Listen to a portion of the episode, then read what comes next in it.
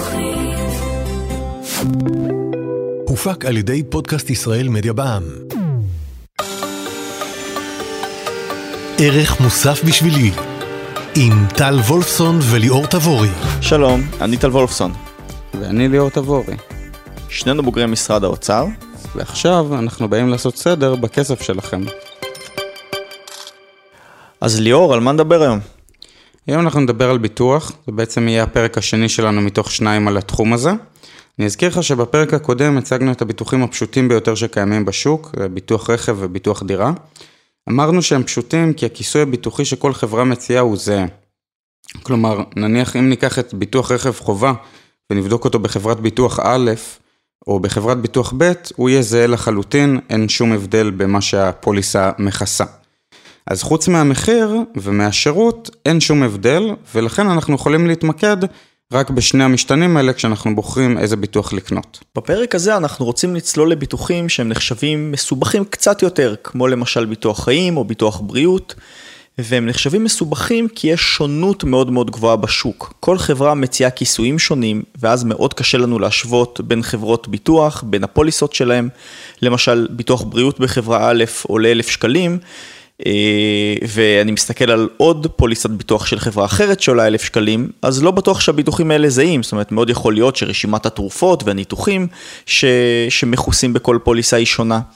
וגם תוסיפו על זה את העובדה שרובנו הגדול לא אנשי רפואה, אז קשה לנו מאוד לבצע את ההחלטות בתחום הזה, זה גם תחום שאף אחד לא ממש רוצה להתעסק בו. ואנחנו בגלל, בדיוק בגלל הסיבה הזאת, אנחנו רוצים לתת לכם בפרק הזה קצת יותר מידע על הביטוחים שנחשבים מסובכים יותר, והם יהיו שלושה, נתחיל עם ביטוח חיים, אחרי זה נדבר על ביטוח בריאות, ונסיים עם ביטוח סיעודי. אז בואו נתחיל מביטוח חיים. הביטוח הזה מגן עלינו מפני uh, מצב שאנחנו הולכים לעולמנו בטרם עת, ונקרא בעגה המקצועית ביטוח ריסק. אם אנחנו uh, קונים את הפוליסה וחס וחלילה נלך לעולמנו מוקדם מהצפוי, המשפחה שלנו הרי תעמוד בפני קושי כלכלי מאוד מאוד גדול. תחשבו לדוגמה על משפחה עם שני הורים ושלושה ילדים, שבה האב הוא המפרנס העיקרי והוא הלך לעולמו בגיל צעיר. מאיפה למשפחה שלו תהיה הכנסה uh, להתקיים ממנה בשוטף? זאת המטרה של ביטוח חיים. אתה תשלם כל חודש סכום מסוים, ואם אתה הולך לעולמך מוקדם מהצפוי, המשפחה שלך תקבל תשלום מחברת הביטוח. אני רוצה לתת דוגמה. עשינו סימולציה לקראת הפרק, ולמשל, אם גבר בן 30 רוכש ביטוח חיים בשווי מיליון שקלים, למשך 35 שנה, הוא ישלם בממוצע כל חודש בין 250 ל-300 שקלים. זאת אומרת שאם הוא הולך לעולמו לפני גיל 65, אז המשפחה שלו תקבל סכום של מיליון שקלים. חשוב להדגיש שאתה לא קונה מראש את הביטוח לתקופה של 35 שנים, אתה קונה אותו ויכול לבטל אותו גם אחרי חודש, אבל אה, רוב מי שקונה את הביטוח הזה, אנחנו לא מפחדים שחס וחלילה יקרה לנו משהו בחודש הקרוב. זה ביטוח שאנחנו מחזיקים לזמן ארוך, לרוב סדר גודל של כמה עשרות שנים, אז לכן הדוגמה שהבאנו, זה כמו שטל אמר, אם אני מחזיק את הביטוח מגיל 30 עד גיל 65, כמובן אפשר להחזיק פחות שנים, אפשר קצת יותר שנים, אבל חשוב לדעת שיש גילאים מסוימים שבהם חברת הביטוח כבר תפסיק לבטח אותנו, כי כמובן כולם בסוף הולכים לעולמם. אני אוסיף, למה ש... אני אוסיף לנקודה האחרונה של ליאור, שהיא קשורה בעצם למחיר הביטוח. תראו, הרי בסוף הרבה אנשים אומרים, כן, הרי כולנו הולכים לעולמנו, אז בואו נקנה ביטוח חיים, נשלם כמה מאות שקלים ואז נרוויח סכום גדול מתישהו. אבל זה לא בדיוק. גם, כמו שליאור אמר, חברות הביטוח לא מוכנות לבטח אה, בכל גיל, אבל גם המחיר של הפוליסה עולה ככל שגיל המבוטח אה, גדול יותר. אז צריך לזכור את זה. כמובן, וזה מאוד אינטואיטיבי, ככל שאנחנו גם מבטחים את, ה, את עצמנו אה, בסכום גדול יותר, ככה הפוליסה היא יקרה יותר. שני טיפים שכדאי לזכור על ביטוח חיים. הדבר הראשון, לפעמים מיותר לרכוש ביטוח חיים, כי יש לנו כבר כיסויים גם במסגרת הפנסיה או ביטוח המנהלים שלנו, יש שם כיסוי למה שנקרא ביטוח שאירים, שווה לבדוק את זה. ולמי שיש משכנתה צריך לדעת שיש בה ביטוח מוגבל במסגרת ביטוח המשכנתה.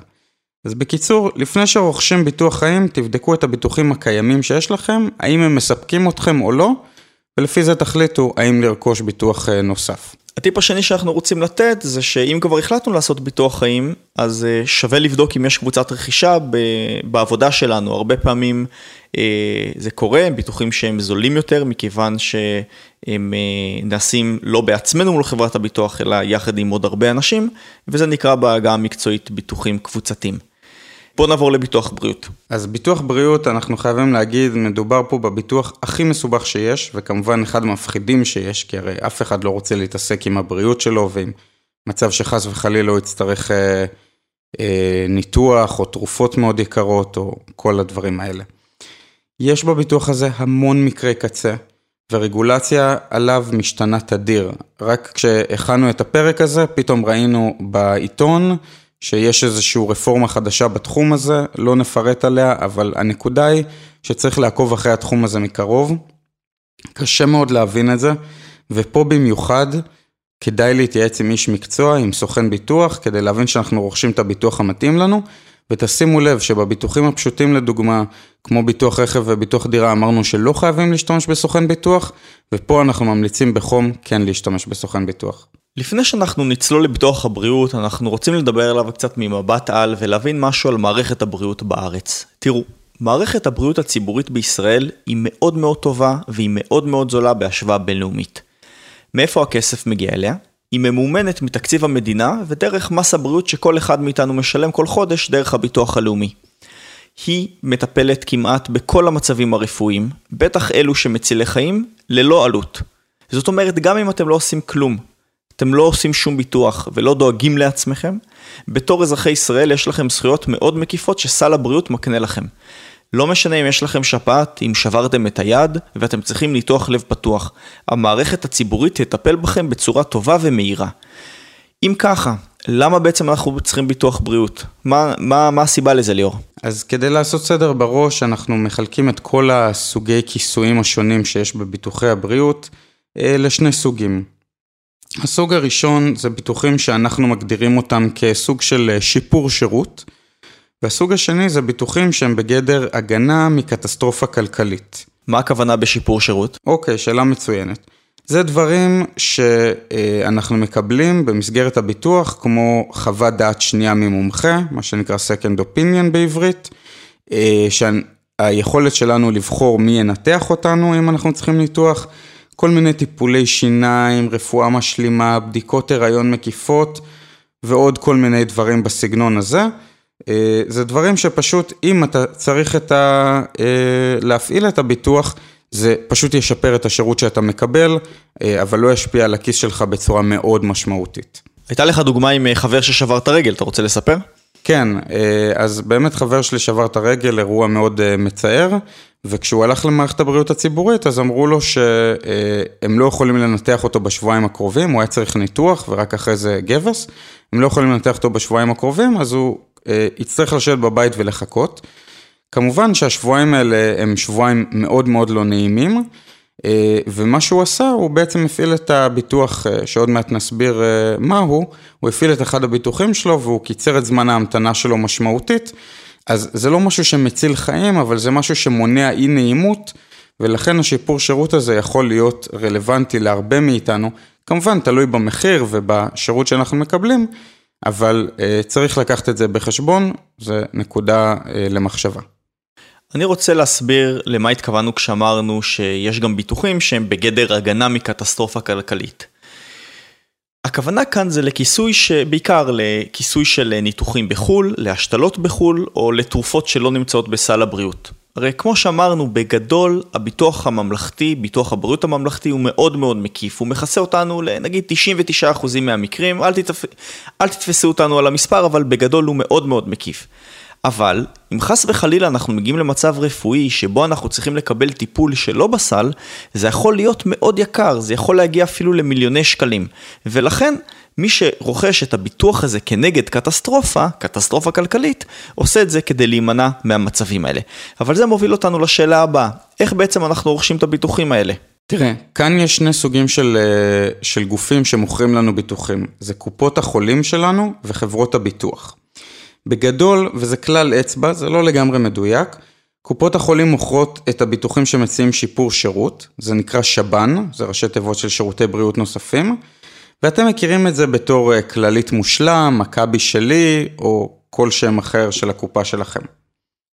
לעומת זאת, חברות הביטוח מוכרות ביטוחים שמגנים מקטסטרופה כלכלית, שכוללות ניתוחים בחו"ל, השתלות או תרופות שלא נמצאות בסל הבריאות, חלקן אפילו מצילות או מאריכות חיים, אבל גם, וזו נקודה מאוד חשובה, חברות הביטוח מוכרות אה, ביטוחים שהם בגדר שיפור שירות בדיוק כמו אלה שמציעות קופות החולים. כלומר, אם נקנה את כל הכיסויים הביטוחיים שחברת הביטוח מציעה לנו, יש סיכוי טוב, ויש לנו אה, כיסוי בקופת החולים, יש סיכוי טוב שיש לנו פה מה שנקרא כפל ביטוח, שזה אומר שאנחנו פעמיים מבטחים את אותו הדבר, אבל במקרה של אירוע ביטוחי, אנחנו נקבל פיצוי רק מגוף אחד, וזה נטו לזרוק כסף לפח. אז זה בדיוק מוביל אותנו לשלב הטיפים. איזה טיפים יש לנו אה, לתת בתחום של ביטוח הבריאות? ובהקשר לנקודה האחרונה של ליאור, אני רוצה לפתוח עם הטיפ של להימנע מכפל ביטוחים. אז קודם כל, כמו שאמרנו בפרק הקודם, כדאי לבדוק בהר הביטוח שאין לנו מספר ביטוחים שונים. הדבר השני, קשור לזמן שבו אתם מתייעצים עם סוכן ביטוח בנוגע לביטוח בריאות. סוכן הביטוח הוא מחויב לוודא עבורכם שאתם לא רוכשים כפל ביטוחים.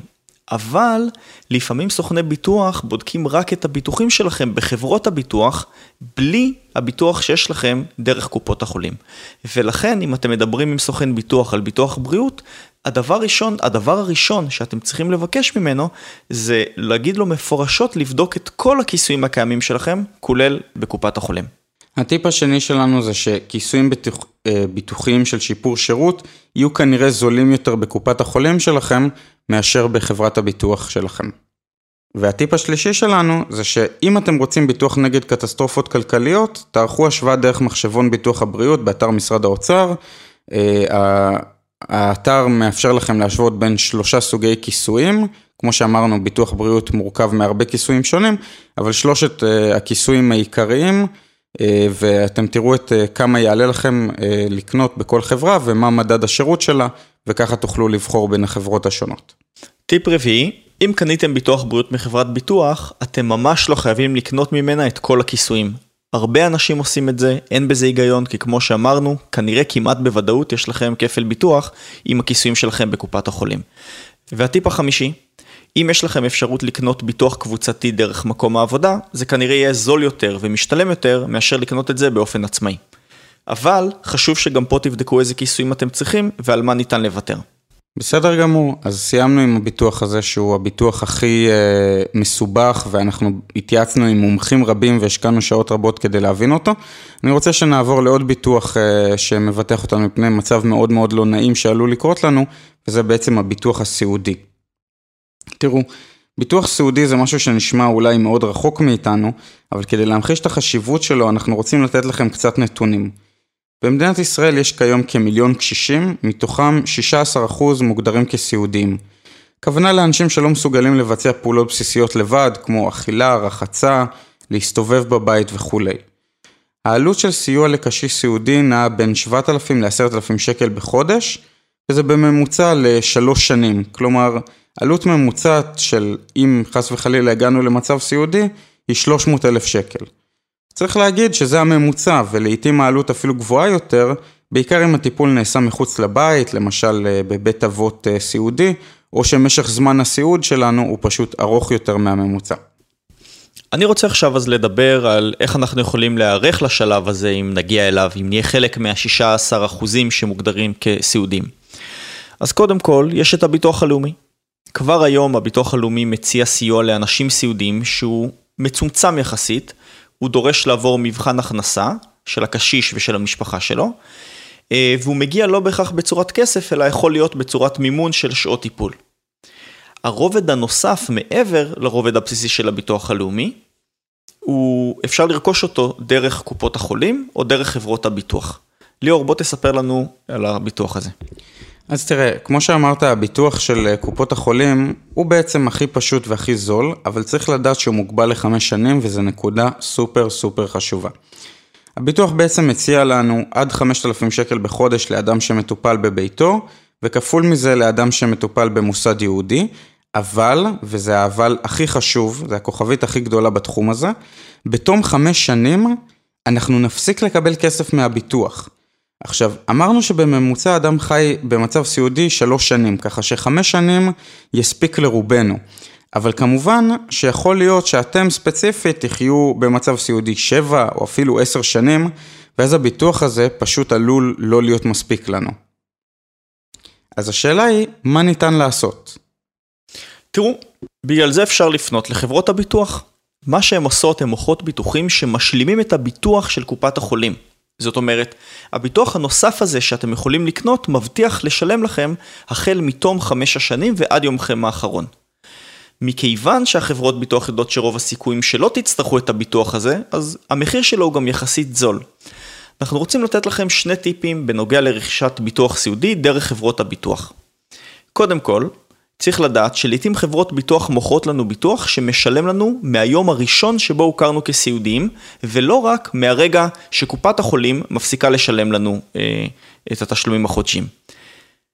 במקרה כזה הביטוח הוא יקר הרבה יותר, אבל אם כמו שאמרנו מקודם, יש לכם כבר ביטוח סיעודי בקופת החולים, תשימו לב שאתם לא משלמים כפל ביטוחים. עכשיו כמובן שיכול להיות ואתם רוצים שיהיה לכם כפל ביטוחים, כי אז אתם יכולים לקבל פיצוי משני המקומות במקביל, אז זה באמת לשיקולכם. אבל תדעו שלפעמים יש חפיפה וצריך להיות מודע לה. רק צריך לשים לב בנקודה הזאת שיש מקומות שבהם כפל ביטוחים מאפשר לנו לקבל כסף משני מקומות, כמו בביטוח הסיעודי, ויש מקומות שהוא לא מאפשר לנו, כמו בביטוח בריאות, אז רק לשים לב לזה. אני רוצה לעבור לנקודה השנייה אה, בטיפים שלנו. בעצם הביטוחים דרך מקום העבודה, אם מקום העבודה שלנו גדול מספיק, הם בערך אותו הדבר כמו רכישת ביטוח באופן עצמאי מחברת הביטוח, יש הבדלים קטנים, לא ניכנס לזה. אבל בגלל שאתם מגיעים כחלק מקבוצה גדולה, אתם מקבלים מחיר טוב יותר מאשר אה, הייתם מקבלים אם הייתם באים לבד לחברת הביטוח. תשימו לב שהביטוח שוועד העובדים שלכם בוחר הוא אכן מתאים לצרכים שלכם, ועוד צריך לשים לב שהתחום הזה עובר מהפכות מאוד מהירות ודרסטיות בשנים האחרונות, וייתכן שהביטוחים הקבוצתיים כבר לא יהיו רלוונטיים אה, בעוד מספר שנים. בהקשר למשפט האחרון של ליאור, אנחנו רוצים שתשימו לב ליוזמת חקיקה של ביטוח סיעודי ממלכתי, שמדברים עליה הרבה בתקשורת לאחרונה, ואם היא תעבור בכנסת, אז היא באמת תעשה רפורמה משמעותית, והיא עשויה לייתר את רוב הביטוחים הפרטיים בתחום. אז זהו, אלה הביטוחים העיקריים שישראלים קונים, ואנחנו מקווים שעשינו לכם קצת סדר בביטוח רכב, ביטוח דירה, ביטוח חיים, ביטוח בריאות וביטוח סיעודי. אני רוצה לסכם את שני הפרקים על הביטוח ולומר, להזכיר שביטוח מגן עלינו מפני קטסטרופה כלכלית ואישית. אנחנו נרכוש אותו על מנת לקבל שקט נפשי ועל מנת שבמקרה חירום נוכל להפעיל אותו. ביטוחים פשוטים כמו רכב, דירה, נסיעות לחו"ל, תאונות אישיות ואפילו אולי ביטוח חיים, אנחנו נעשה בעצמנו אחרי שקראנו קצת על הנושא באינטרנט. ביטוחים מסובכים יותר כמו ביטוח בריאות וביטוח סיעודי ניתן לעשות לבד אבל זה ממש לא מומלץ, מומלץ להתייעץ עם סוכן ביטוח שיבדוק את הצרכים שלכם ויתאים לכם את הכיסויים הביטוחיים הנדרשים. ולסיכום הטיפים, תמיד כדאי לברר מה מקבלים במקרה של אירוע ביטוחי ומה תהיה ההשתתפות העצמית. אז מקווים שעזרנו לכם להבין יותר טוב בתחום הזה ונתראה בפרק הבא. להתראות. ערך מוסף בשבילי עם טל וולפסון וליאור תבורי. התוכנית מציגה הסבר ומידע כללי בלבד, ואין בה משום ייעוץ מותאם אישית או המלצה ביחס לפעולות כלשהן. מומלץ להתייעץ עם איש מקצוע מוסמך לפני ביצוע פעולות על סמך המידע המובא בתוכנית. הופק על ידי פודקאסט ישראל מדיה בע"מ.